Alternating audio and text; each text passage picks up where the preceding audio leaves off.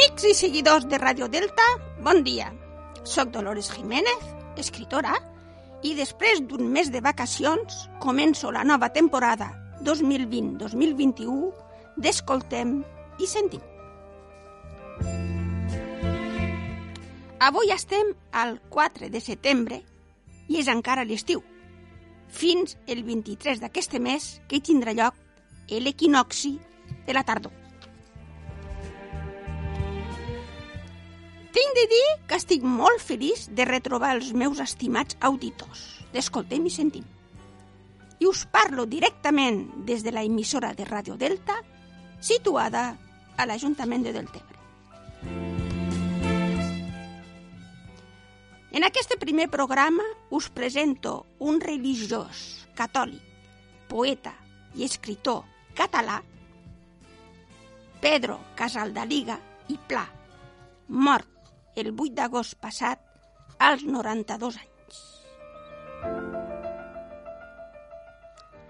Des d'Escoltem i Sentim retro homenatge a aquest obispo del poble que va luchar a favor dels més pobres i desfavorits.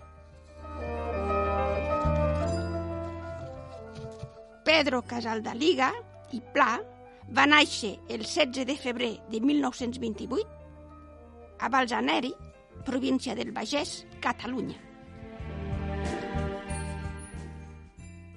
I va morir, com ja he dit, el 8 d'agost passat, a Bataix, Brasil, on està enterrat.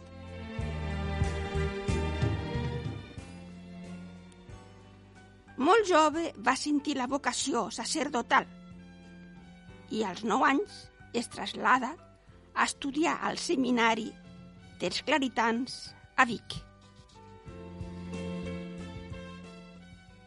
Pedro Casaldaliga i Pla va dur a terme les seves primeres tasques com a sacerdot a Sabadell, Barcelona, Barbastre i Madrid. Va ser un religiós claretià, escritor i poeta català, però va viure gran part de la seva vida al Brasil. Seguint la seva vocació missionera, el 1968 viatjà al Brasil per a fundar una missió claretiana a la regió d'Aranguaya, a l'estat del Mato Grosso, a l'Amazònia. Des d'aleshores no va tornar mai més a Catalunya. Al Brasil, Pedro Casaldaliga i Pla va ser bisbe a la prelatura territorial de Sau Fèlix, a l'estat de Mato Grosso, a l'Amazònia. I va estar sempre vinculat a la teologia de l'alliberament i va ser considerat un defensor dels drets de les persones menys afavorides com pagesos indigents.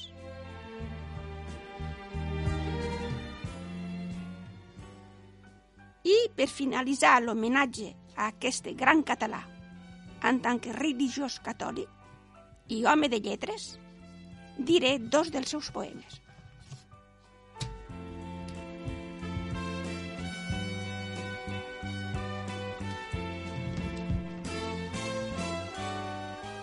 El primer diu, cridem l'Evangeli.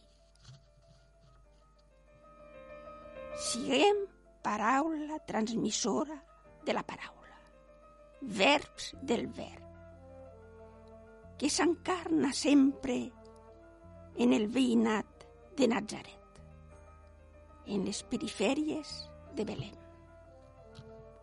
a la vora del llac de la turba famolenca, en els carrers de la ciutat, on resonen els crits del mercat, la festa i els clarins de l'imperi. Davant del Sanedrí i del Pretori, en la creu que carreguen a les espatlles del servent sofert. en la silenciada vida del sepulcre, en la vencedora tarda del diumenge. Si un dia no podem parlar amb paraules, parlem en la vida, en peu de testimoni. Parlem amb els ulls als germans atordits. Parlem sobretot a les oïdes del Pare. I potser protestarem amb la paraula major de la sang proclamada com a pregó de la Pasqua. El segon poema diu així.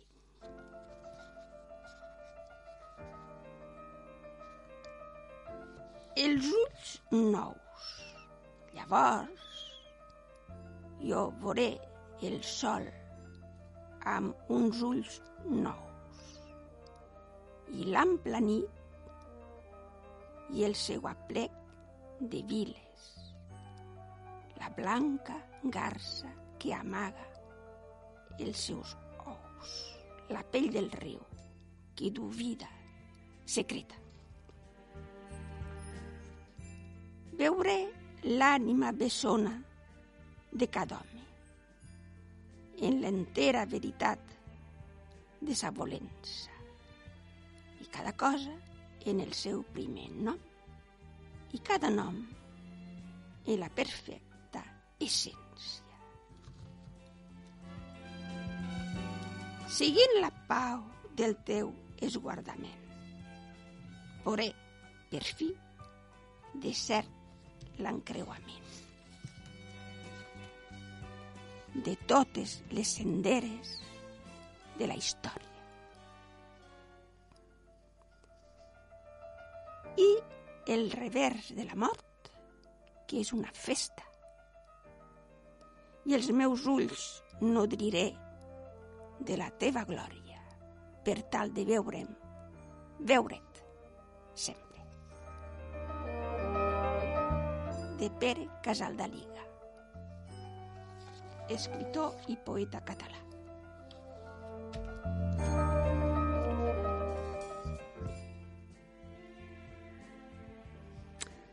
per finalitzar l'homenatge d'aquest gran català en tant que religiós catòlic i home de lletres, pues us he dit els dos poemes i ara me queda donar-vos gràcies per la vostra atenció i el vostre temps. Fins la setmana pròxima i que la felicitat us acompanyi sempre a totes i a tots díalo Papa Juan Pablo II, hemos nacido para ser felices y no perfectos. Adiós.